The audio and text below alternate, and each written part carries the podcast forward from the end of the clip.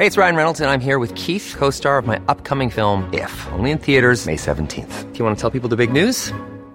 All right, I'll do. Sign up now and you'll get unlimited for $15 a month in six months of Paramount Plus Essential Plan on us. Mintmobile.com slash switch. Upfront payment of $45 equivalent to $15 per month. Unlimited over 40 gigabytes per month. Face lower speeds. Videos at 480p. Active Mint customers by 531.24 get six months of Paramount Plus Essential Plan. Auto renews after six months. Offer ends May 31st, 2024. Separate Paramount Plus registration required. Terms and conditions apply if rated PG.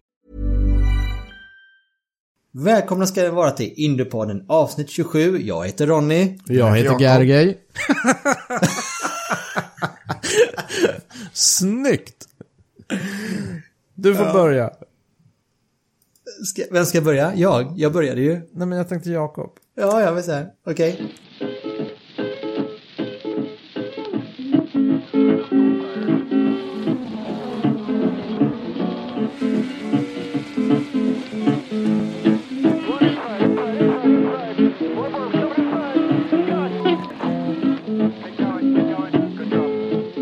I wanna know where my easy rider goes. Said I wanna know where my easy rider goes. She's an easy rider, do ride all so long. Jag heter Jakob. Jag heter Gergej. Och det är återigen racevecka. Och på lördag är vi tillbaka på Indianapolis Motor Speedways Road Course för The GMR Grand Prix. Redan på fredag är det träning och kval. Och det är också en unik helg för det är första eventet någonsin då Indycar och Nascar Cup kör samtidigt. Alltså inte, samti inte samtidigt utan dagarna efter varandra. Eller hur? Precis. Så eh, Indycar kör på den amerikanska nationaldagen den 4 juli och så Nascar kör Brickyard 400 på söndag den 5 juli. Det blir mumma det och så är det Formel 1-premiär också. Yes, jag tror nästan man får grilla på ett par hamburgare den 4 juli för att fira detta. Och så ljus, ljus, ljus, ljus öl också. Usch. Amerikansk öl. Usch. Ja, det är väl inte så illa? Jo, det är hemskt. Det, Ska det helst vara skruv- ska det helst vara det skruvkork finns på också? mycket bra amerikansk öl också, men den typiska som man ska dricka det är ju Budweiser nu. Men det vill jag inte. Men jag förstår vad du menar om. Vi ska prata upp lördagens race. Eh, bland annat har vi Marcus Eriksson på besök. Men först måste vi prata om en annan svensk succé den gångna helgen. Linus Lundqvist premiärade på amerikansk racingmark i Formula Regional Americas eh, med ett dubbelrace. Och han inleder alltså säsongen med en Grand Slam redan första helgen. Så dubbel pole, dubbla fastest laps och så dubbla segrar. Vad säger vi om det? Otroligt snyggt. Alltså det är perfekt. Eh, inga tvivel på att han är en supertalang alltså. Alltså så of ofantligt starkt jobbat. Så här, första racen i landet, första racen med teamet, första gången på den här banan och han är sjukt imponerad av, av eh, det han gjorde. Och då ska man också tänka på att det här var ju halva Indy Lights-fältet han slog. Santiago Ruzia har ju kört Indy Lights ett antal år, kommit tvåa i mästerskapet, var på vippen att vinna Indy Lights ett år. Och eh, Linus Lundqvist kommer till en ny bana som typ alla andra har kört på en massa gånger tidigare, Mid-Ohio. Och så slår han, liksom, out of the ballpark säger man väl i baseball. Och det är fantastiskt kul att se.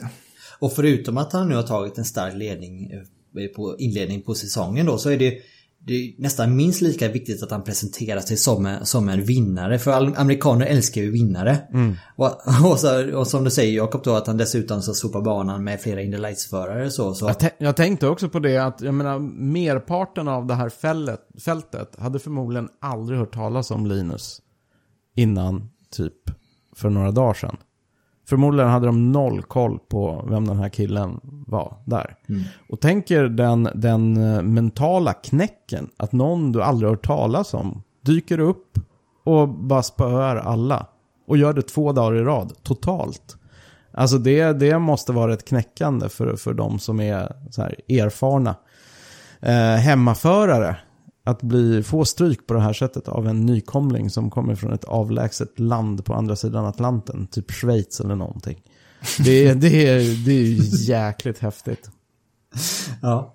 Och, eh, men det är också sån här, man märkte att den här den här medgången han hade där i, på redan på, så på kvalet då så, eh, inför första racet så han var han tog ju pole med en tusendel och det är det här signifikativa att du du har marginalerna på din sida och uppenbarligen var det en sån, sån helg och så kunna få det momentum och bygga vidare på det nu inför nästa race. Det är, det är ju guld värt. Som av en händelse så har vi faktiskt tagit ett snack med Linus Lundqvist.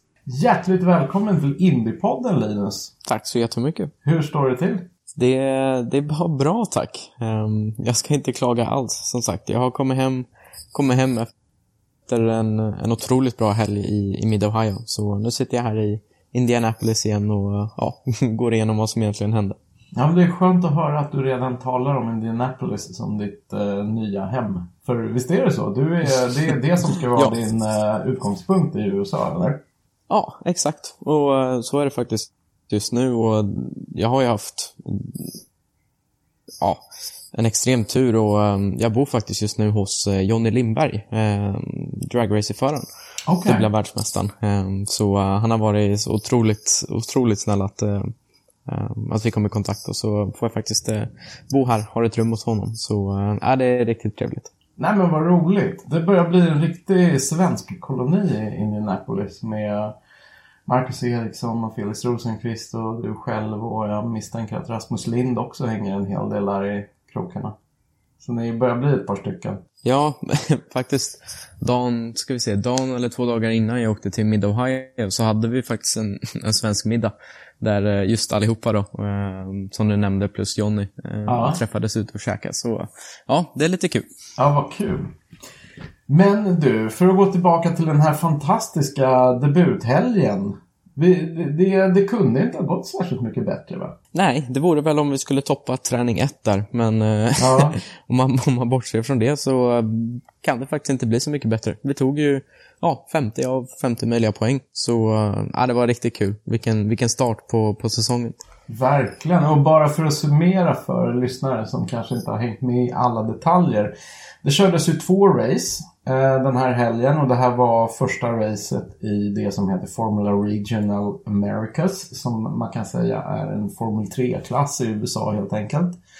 Eh, och Linus seriedebuterade första loppet någonsin på andra sidan Atlanten i den här klassen i alla fall. Och kom iväg med två pole positions, två snabbaste varv och två segrar. Så 6-0 till Linus kan man säga. Det är ju tennissiffror Linus.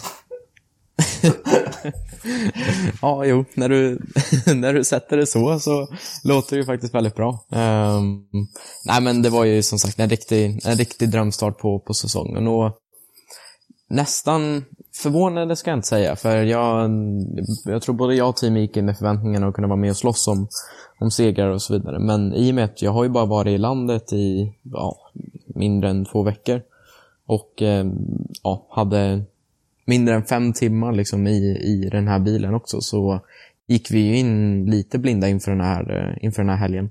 Men eh, som sagt, att kunna komma iväg med ett sånt resultat, det, det tar man ju alla dagar i veckan.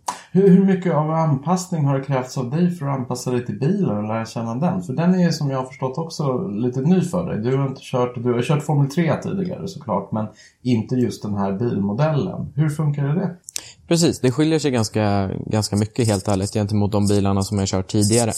Som tur är, det är väl att den bilen som jag körde förra året, eh, ja, Dalara F3, F312, det är ju en av de bästa bilarna som folk säger som jag någonsin kommer köra under min karriär. Och man lär sig otroligt mycket i den.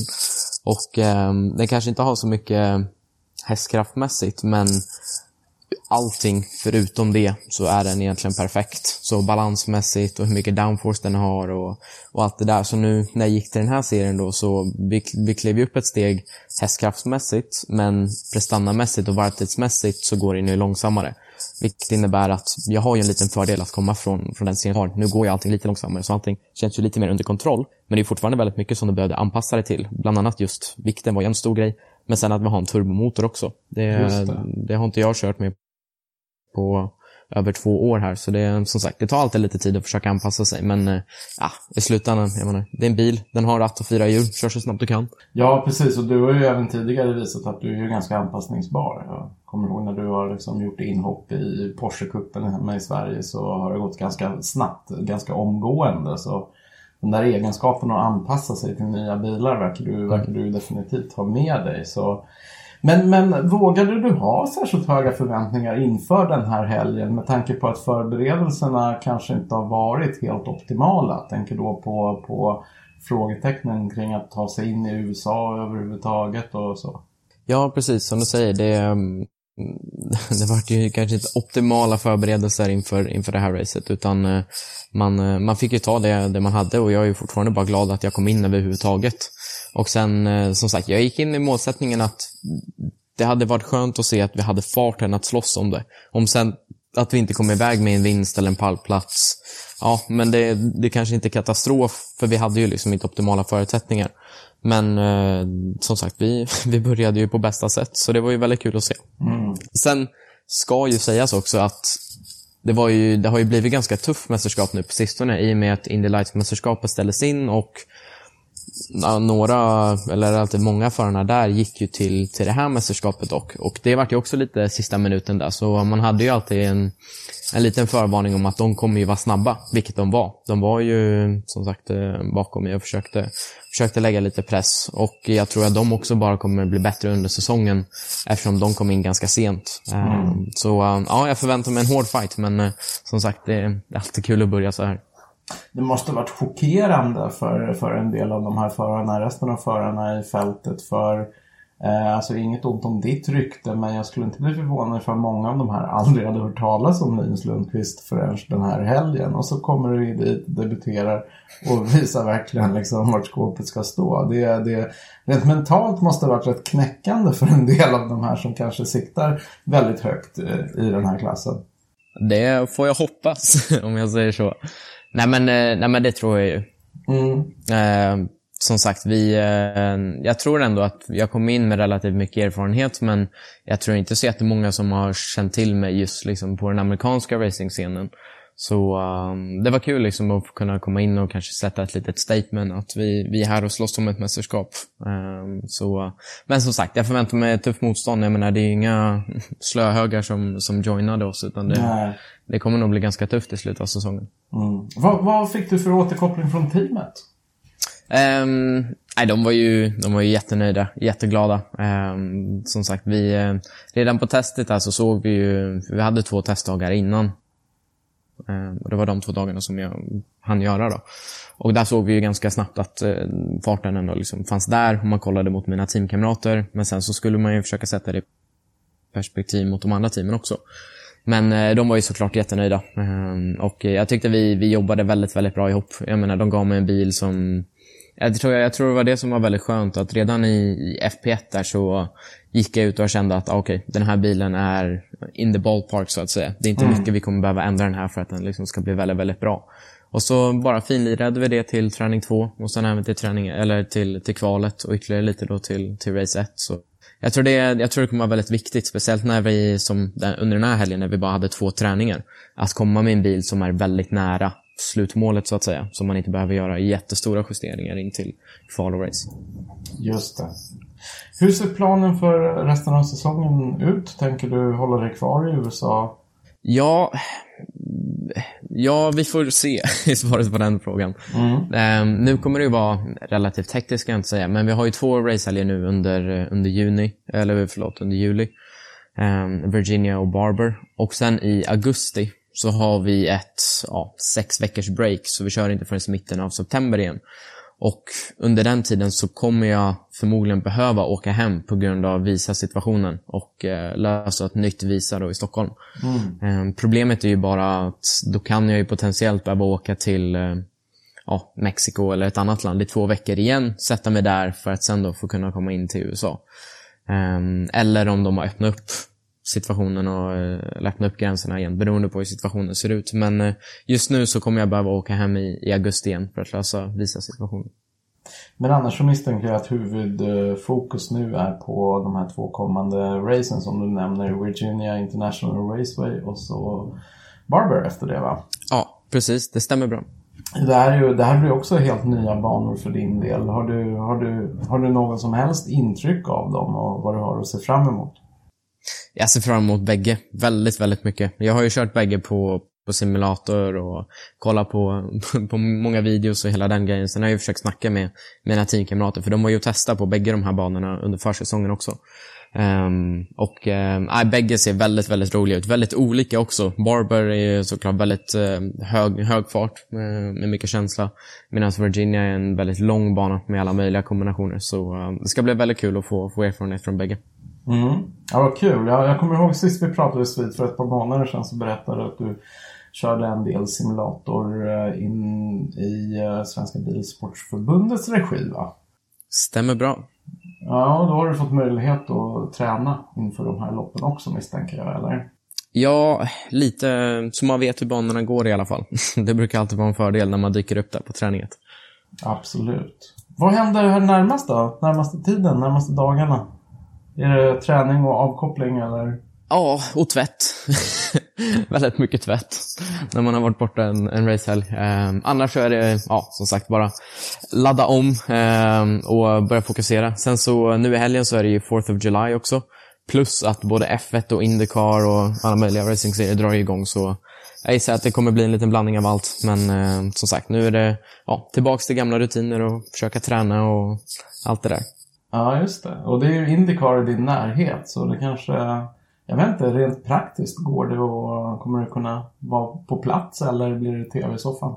Mm, jag har försökt att kolla det där, för de kör ju som sagt här i Indianapolis. Men eh, de, eftersom de inte tillåter besökare eller fans och det är bara x antal personer per team som är tillåtna in, så kommer jag inte kunna komma in. Utan de, de, de håller ganska tight på det där. Utan det kommer bli, kommer få titta på det på tv i tv-soffan och sen höra ljudet från, från banan inte långt härifrån nästan. Vad frustrerande. Men vi får hålla tummarna. Det blir några riktiga racebesök längre fram istället. Mm. Du Linus, tack så jättemycket för från Indiepodden och så önskar vi dig stort lycka till inför resten av säsongen och hoppas att du har möjlighet och lust att dyka upp igen när vi får följa dina vidare framgångar längre fram helt enkelt. Det hoppas jag med. Tack så jättemycket för att ni hade mig. Men nu är det alltså racevecka på Indianapolis Motor Speedways Road Course. Indianapolis Road Course byggdes till Formel 1-loppet år 2000. Första Indycar-loppet här kördes 2014. Eh, banan är 3924 meter lång, 14 kurvor, väldigt platt bana. Ehm, 80 varv ska köras, det blir 314 kilometer. Det här är fem varv kortare än förra året, ska man komma ihåg. Eh, varvrekordet har Will Power från 2017 när man körde de här bilarna med Aerokitten som hade mycket mer downforce än vad man har idag. Så det här rekordet kommer inte att slås, men det lyder i alla fall en minut, sju sekunder och sju tiondelar. Mm. Tidigare vinnare, så det är en ganska kort läsning. Simon Pagenaud har vunnit tre gånger. Will Power har vunnit tre gånger. Mm. Så de, det finns ingen annan Indycar-förare som har vunnit. Men dock i Formel 1 har man, körde man ju här från år 2000 till 2007.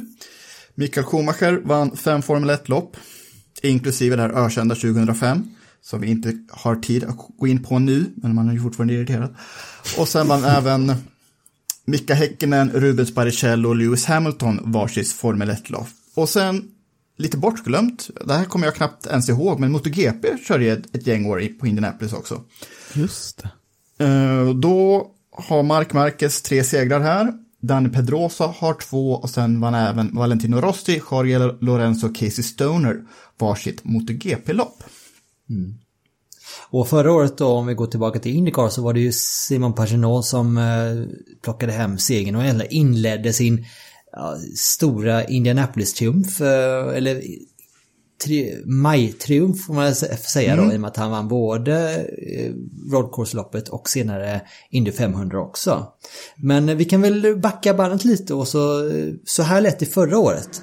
It's an Organassi front row. The bright blue car is Felix Rosenquist. The orange and blue is Scott Dixon. The pink machine behind is Jack Harvey and then teenage sensation Colton Herder. This is the Grand Prix of Indianapolis. Let's go. And Jack Harvey with a great start of the inside.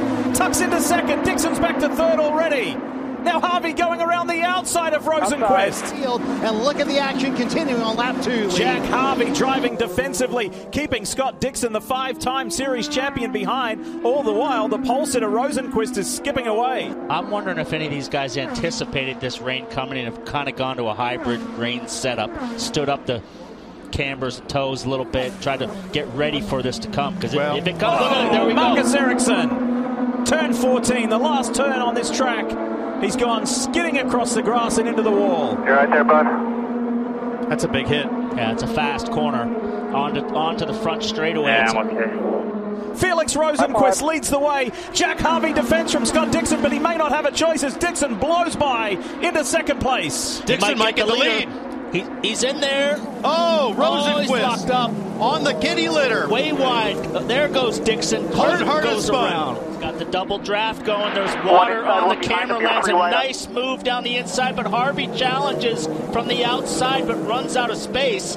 And Rosenquist falls back to fourth. Bigger drops on the camera lens, so the rain is starting to fall. These guys are slipping and sliding. Tires are not up to temp. There's Rossi back there, but he's several laps down. Fantastic battle up front, guys. Will Power, you hear him on pit road as Scott Dixon tries to hold on to the lead. It's been a struggle for Power, but that battle up front is fantastically. Dixon, Oh, pit Harvey, lane. and all on pit lane and Pagano. Three different teams, three very different drivers and personalities having a phenomenal scrap at the front of this race. Pagano on the oh! outside, he got him. Unbelievable. Clear. This has been an incredible comeback from Simon Pagano. Penske has been nowhere this weekend in terms of performance, and this win today will fall all in the hands of this driver's ability to drive this car in the wet and his tenacity to get another win. Och det som var kul då, just inledningsvis i alla fall, det var att båda svenskarna kvalade högt upp. Felix Rosenqvist på pole och eh, Marcus Eriksson på en nionde plats. Eh, men sedan under racet så kraschade Marcus ut tidigt och samtidigt som Felix hade problem, en del problem med däckslitage, var det inte så? Mm, jo, det gick fort i början av stinten men inte tillräckligt länge. Och sen så när det började regna mot slutet av loppet så, uh, ja, inget bättre momentum där. Men han kom i mål som åtta i alla fall, vilket, det här var ju tidigt på säsongen då, det är nu med, men det här var ju tidigt i maj. Ehm, det var godkänt trots allt tycker jag. Vi är även denna vecka sponsrade av Stefan Johansson.art som vill pusha lite extra för det senaste i hans webbshop. Ehm, har ni varit inne där nyligen eller? Ja, det är klart att ni har varit. Ni är inne där varje vecka, eller hur? Jo då. Ja, han är som sagt inte bara en gudabenådad manager för Scott Dixon, Felix Rosenqvist och Rasmus Lind utan också en grym talangfull konstnär.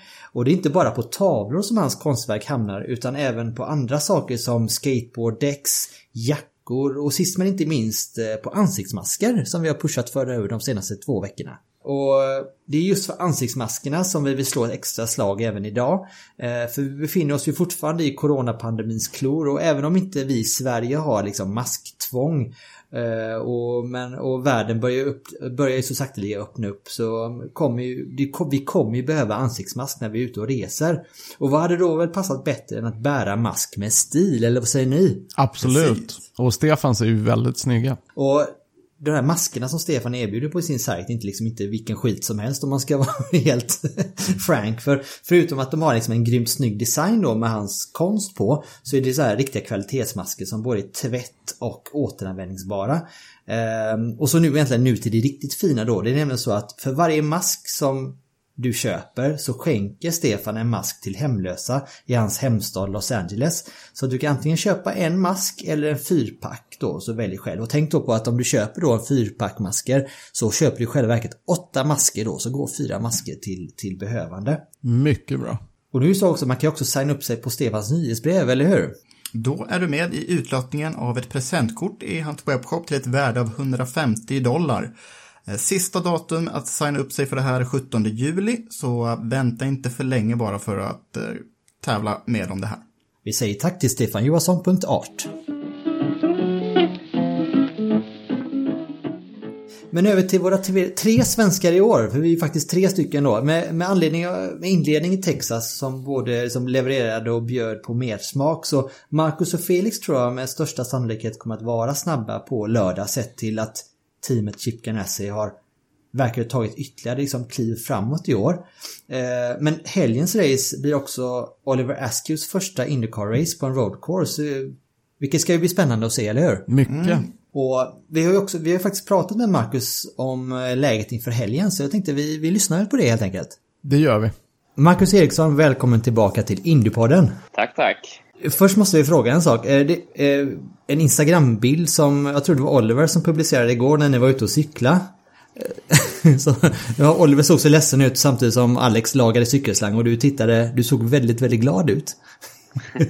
Skadeglädjen är den bästa glädjen, säger man? Ja, precis. Håller det på att bildas en liten svensk maffia i Indypaddocken eller?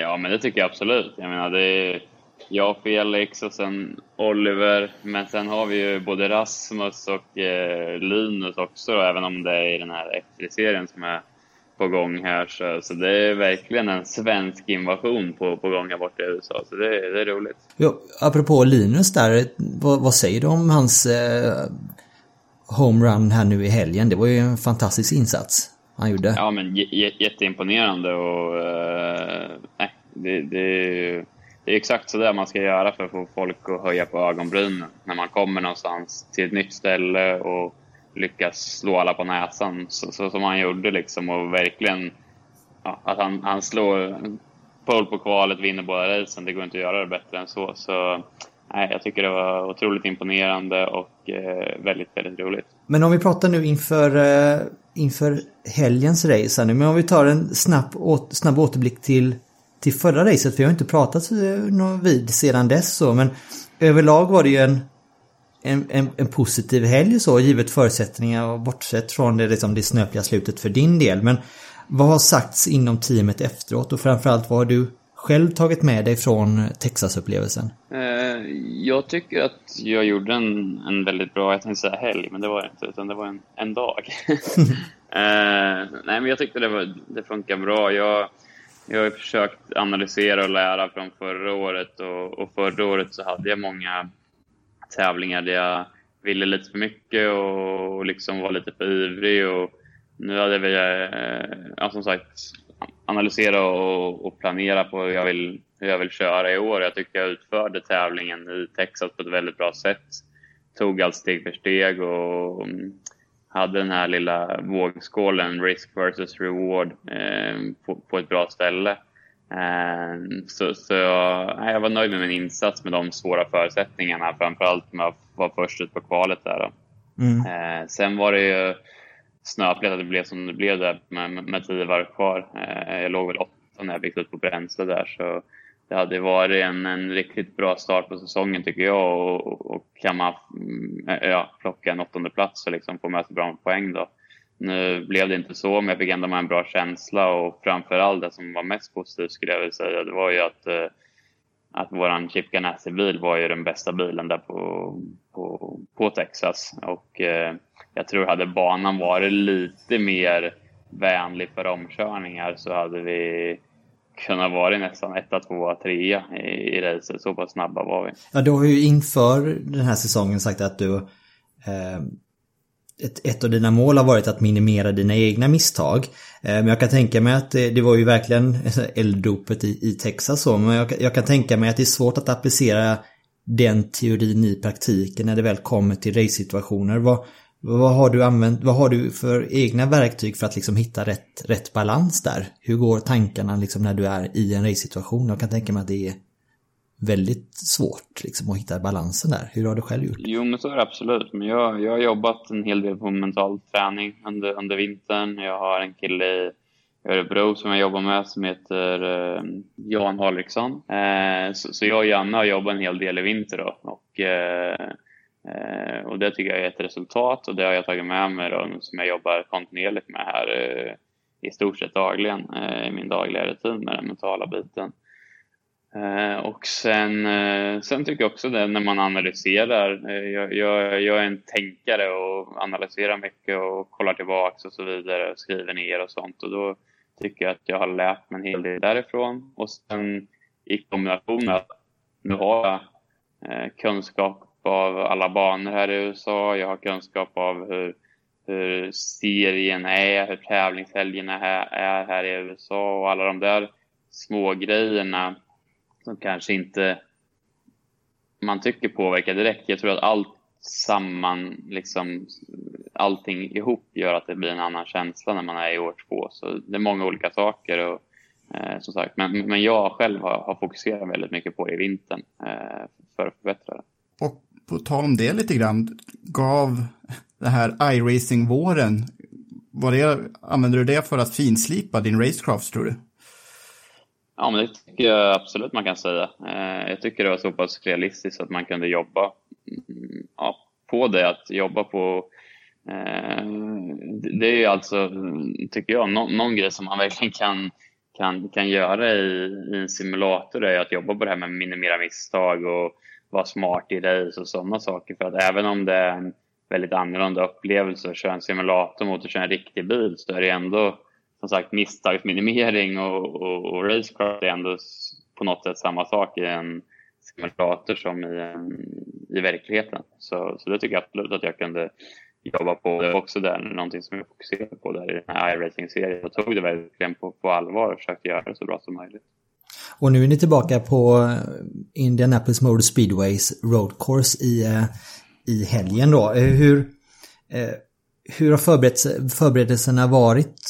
Vad har ni jobbat på i teamet inför helgens race? Och hur, jag vet ju hur ni valde, ni valde att splitta strategin under träning och träningen i Texas så, men har ni valt att lägga upp strategin mellan er inom teamet under träning och kvar på ett liknande sätt nu inför helgen? Eh, vi har inte haft de sista liksom, final meeting, sista mötena här inför helgen där vi har liksom bankat i sten vad vi exakt ska göra på, på träningspasset. Men eh, jag kan tänka mig att det kommer att gå lite olika håll under träningen för att sen så, uh, sammanstråla till kvalet. Det är väl lite det som är tanken i alla fall. Mm.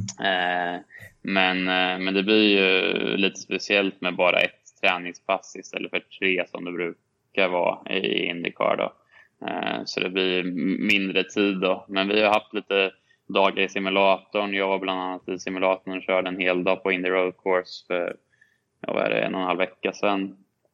Eh, som kändes bra. Jag tycker vi, vi gjorde ett bra jobb där. Och även Scott och Felix har varit i simulatorn och kört där på, på, på, på Indy Road Course. Då. Så, så det känns som att vi har förberett oss på ett bra sätt. Teamet har ju jobbat stenhårt med förberedelsen, den här extra tiden de har fått eh, här under vintern och sådär med att verkligen se till att vi har bra eh, basinställningar. Då. Och eh, teamet var ju också väldigt starka där förra året med, med, med Felix på pole och Scott var väl eh, tvåa i racet. Då. Så Eh, det känns som vi har bra förutsättningar till att göra en, en stark helg. Ja, apropå förra året där så var det ju inte, det var inte bara Felix som ja, kvalade starkt framförallt eh, där utan du gjorde ju också ett väldigt starkt kval. Sen så blev det ju liksom en tidig sorti för din del.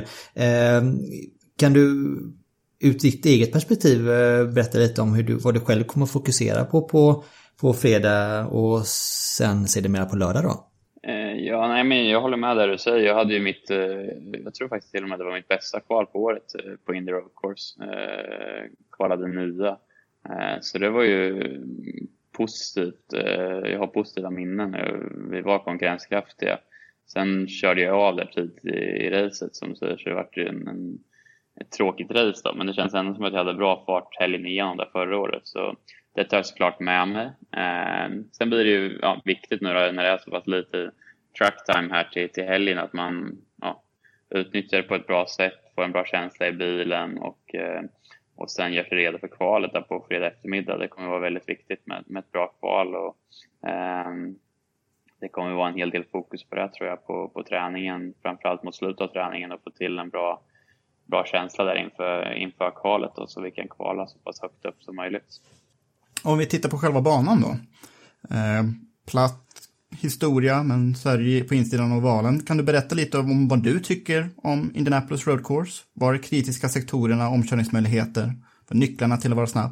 Ja, det är väl inte den mest eh, liksom, roliga layouten på kalendern, det ska jag inte påstå, utan den är liksom rätt så platt bana. Eh, in, inga direkt snabba kurvor på den heller. Eh, men den har ändå ja, både start och målrakan och eh, bakrakan som är hyfsat långa raker som bjuder in till, till lite omkörningar och fighters. Så jag tycker att den bjuder ändå in till hyfsat bra racing. Och sen är den faktiskt rätt så teknisk med de här eh, chikanerna. Jag skulle säga chikanen, den, eh, ja, kurvpartiet 7, 8, 9, 10 är det väl till och med i, i mitten på banan. Det är väl det som är mest kritiska för, för varvtid. Eh, som är väldigt svårt också. Du måste använda mycket curve där och det är en balansgång mellan hur mycket gas du går på och när du går på det för att liksom komma igenom hela komplexet på ett bra sätt. Då. Så där skulle jag säga är det mest kritiska stället på banan. Mm, det var där Pagino körde om Dixon då förra året på slutet av loppet. Du kommer inte, vara, kommer inte se ut att vara regn, men dock strålande sol och nästan 35 grader varmt. Kommer aeroscreenen bli ett problem i den här värmen? Efter att ha kört i nästa, i stort sett samma förutsättningar i Texas så säger jag nej på den frågan. Okay. För att jag tycker att eh, aeroscreenen funkade otroligt bra i Texas. Eh, det var inga problem alls. Och jag tänkte aldrig på att jag tyckte att det var särskilt varmt i bilen heller. Jag vet att många andra förare har nämnt efteråt att de tyckte det var så himla varmt i, i bilarna med, med aeroscreenen. Men jag tyckte det funkar bra. Så eh, för min del kan det gärna vara strålande sol och 35 grader, det har jag ingenting emot. Det säger, du, det säger du bara för att du är i ditt livs form nu fysiskt, eller hur? exakt, exakt. ja, men berätta lite om det, för du, liksom, hur, hur är en själv som inte är dugg tränad, höll på att säga, men, men alltså, hur, vad gör det för självförtroendet att känna liksom att alla de bitarna är liksom på plats, så som med tanke på hur du har kunnat träna liksom problemfritt hela, hela den här coronapandemin-tiden?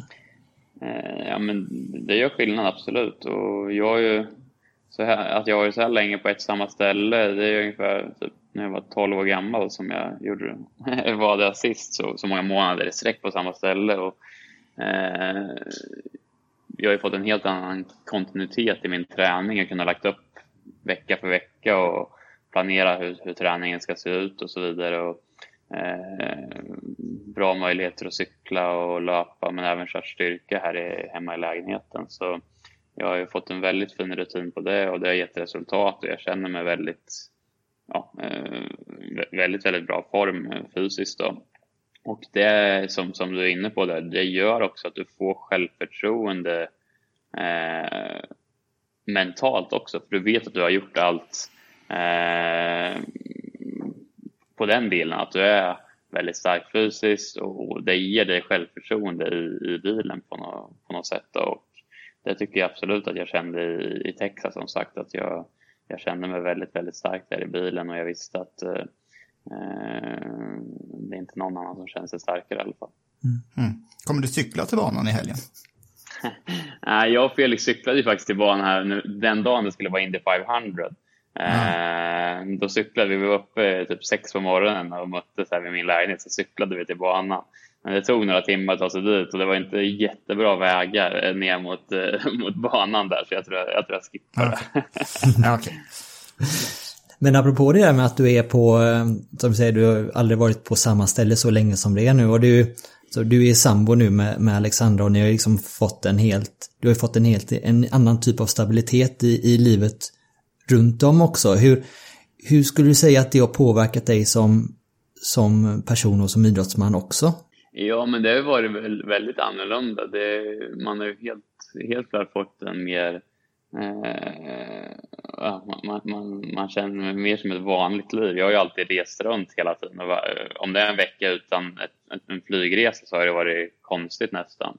Nu har jag inte flugit någonting knappt. Istället så är det ja, måndag förmiddag då åker vi och veckohandlar och sen eh, eh ja, eh, lagar mat, vad man ska laga i veckan. Man går ut med hunden några gånger om dagen. Och, ja, det, var, det var väldigt annorlunda mot hur mitt liv har sett ut eh, annars. Då. Men det, det har varit rätt så nice faktiskt. Det måste jag säga. Det, det har varit rätt så skönt. Och det är det som har varit lite kul här med, med Indycar även förra året. Att man, man får en lite mer Eh, man lever inom parentes lite mer ett vanligt liv, eh, även fast man är racingförare. Eh, F1 var det så himla extremt att man, man reste hela tiden över hela jordklotet. Det var svårt att få en eh, ja, rutin i, i vardagen. Så, så, så, det var rätt så nice. Men sen är det klart att man har saknat väldigt, väldigt mycket att köra racerbil de här månaderna. Det, det ska jag inte sticka under stol med. Och hur ser det ut då med restriktioner på banan? Ingen publik, men kommer Alex Elg få följa med på banan? Kommer Alexandra och Molly få följa med? Eh, Alex Elg ska vara, få vara med. Han är ju eh, med i teamet om man säger så.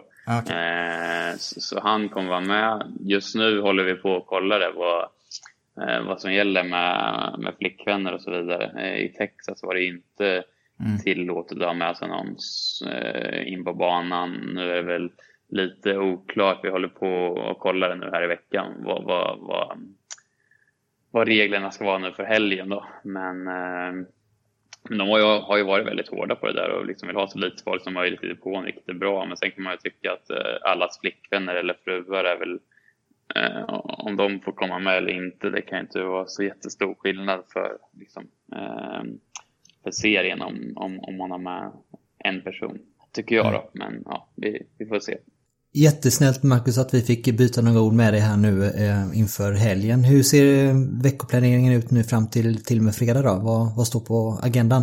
Eh, nej men det blir väl lite mer sådana eh, internetmöten med teamet inför. Vi fortfarande eh, försöker limitera eh, de fysiska mötena så mycket som möjligt. Då. Eh, men det blir lite, lite sådana grejer och sen eh, lite mer cykling, eh, träning med, med, Alex och sen eh, ja, kör jag igång det på fredag. Då. Så nej, det är spännande, kul med racevecka och jag är superladdad för att, för att köra igång. Jättestort tack och hälsa Alex från oss för uh, han var och gästade podden för några, ett par månader sedan. Det var ett väldigt ja, trevligt samtal. Mm. Och, häl och hälsa, hälsa Alexandra också att hennes nya Instagram-konto där, det är en av mina nya favoriter. Faktiskt den här Taste by eh, vad heter det? Taste by Alexandra. Ja, just det, just det. Ja, vad bra. Vad kul, vad kul. Ja, men det, det var jag som uppmuntrade henne där. För hon tycker om att både laga mat men även ta bild och sådär. Hon är lite artistisk av sig. Så, så är det. Men starta en sån där, det kan vara lite roligt. Så det, ja, det är kul. Mm. Mm. Kanon, Marcus. Mm. Tack så mycket. Jättebra. Ja, ha det så bra. Hörs. Mm. Ha det bra. Vi hörs. Hej, hej. hej. Ja, hörni, denna vecka har uh, Indiepodden ett samarbete med Marcus Erikssons huvudsponsor Husky Chocolate. Eh, ni vet det här eh, chokladdrycksmärket som på bred front har givit sig in i eh, motorsport. Eh, bland annat, inte enbart motorsport, men för oss motorsportfans så är det väl där de har blivit mest synliga med både starka kopplingar till McLaren i Formel 1 och även till Alfa Romeo. Men från ett svenskt perspektiv så kanske det mest intressanta att eh, de sponsrar ju Marcus Eriksson Eh, vilket vi ser på hans snygga röda bil. Och med anledning av detta så tänkte vi köra en tävling denna vecka inför helgens race i Indianapolis. En tävling där eh, man kan helt enkelt vinna en kartong med, med 12 flaskor tror jag av Husky Chocolate för att helt enkelt prova hur det här smakar egentligen. Det man ska göra det är att man ska gissa, det är vad själva tävlingen går ut på, det är att man ska gissa Marcus Erikssons kvalplats och raceplacering i helgens tävling i Indianapolis helt enkelt. Det vi vill veta är alltså vilken plats kommer Marcus kvala in på inför loppet och vilken placering kommer han sen ta i själva racet. Som eh, någon slags eh, utgångspunkt så kan man ju påminna sig om att i eh, fjolårets race på den här banan då kvalade Marcus på nionde plats. Och blev i den officiella slutresultaten blev han tyvärr klassificerad på 24 och sista plats. Efter en incident på det elfte varvet. Så att jag är rätt så övertygad om att Mackan kommer klara sig väldigt mycket bättre i år i eh, racet. Alltså gissa, vilken plats kommer Marcus kvala in på och vilken plats kommer han eh, placera sig på i själva racingen. Sen kommer vi med någon snillrik matematisk uträkning komma fram till vem av er som gissat närmast. När ni har gissat klart så skickar ni era svar till podcast indiepodden.se. Maila era svar till podcast indiepodden.se så har ni chansen att bli vinnare av en hel låda Husky Chocolate och, och testa. För säkerhets skull så kör vi även en utslagsfråga. Om det nu skulle bli så att eh, två eller fler lyckas gissa rätt på både Marcus eh, kvalplats och raceresultat så kör vi en utslagsfråga. Nämligen vi vill ha även hans kvaltid. Alltså exakt kvaltid. Vilken kvaltid kommer Marcus ha inför helgens race? Och även där som jämförelse i fjolårets kval inför det här racet så kvalade han in på en tid med en minut, åtta sekunder, 2497 tusendelar. Så 1.08.2497 var hans kvaltid i fjol. Men vad blir hans kvaltid i år? Gissa alltså vilken kvalplats Marcus får, vilket raceresultat han får och skicka även med hans exakta kvaltid, eller er gissning på hans exakta kvaltid. Till podcast indiepodden.se så har ni chansen att få hem en låda med Husky Chocolate. Nu ska i alla fall jag gå och ta mig en proteinchoklad för det är, det är 20 prote gram protein i den godingen. Det är ju perfekt innan träningen här nu. Och efter träningen också. Jakob vet jag är en inbiten huskydrickare. Ja, ja de finns alltid på mitt lokala Hemköp. Men min pappa säger att han har kollat liksom alla butiker i Enköping och där verkar det inte finnas någon Husky.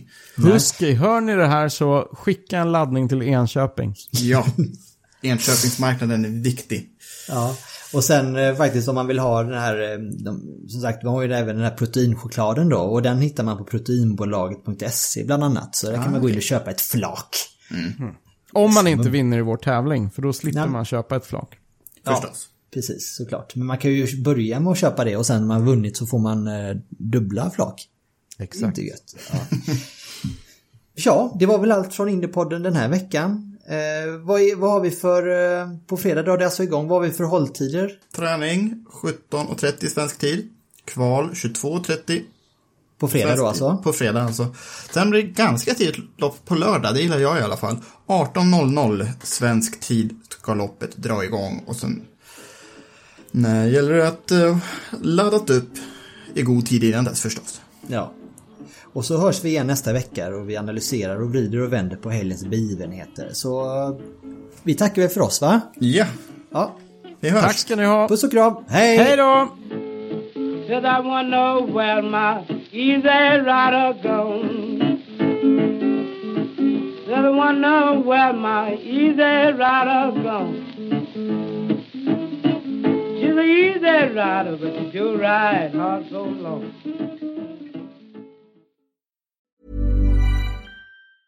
Ever catch yourself eating the same flavorless dinner three days in a row? Dreaming of something better? Well, HelloFresh is your guilt-free dream come true, baby. It's me, Kiki Palmer. Let's wake up those taste buds with hot, juicy pecan-crusted chicken or garlic butter shrimp scampi. Mm. Hello Fresh. Stop dreaming of all the delicious possibilities and dig in at HelloFresh.com. Let's get this dinner party started.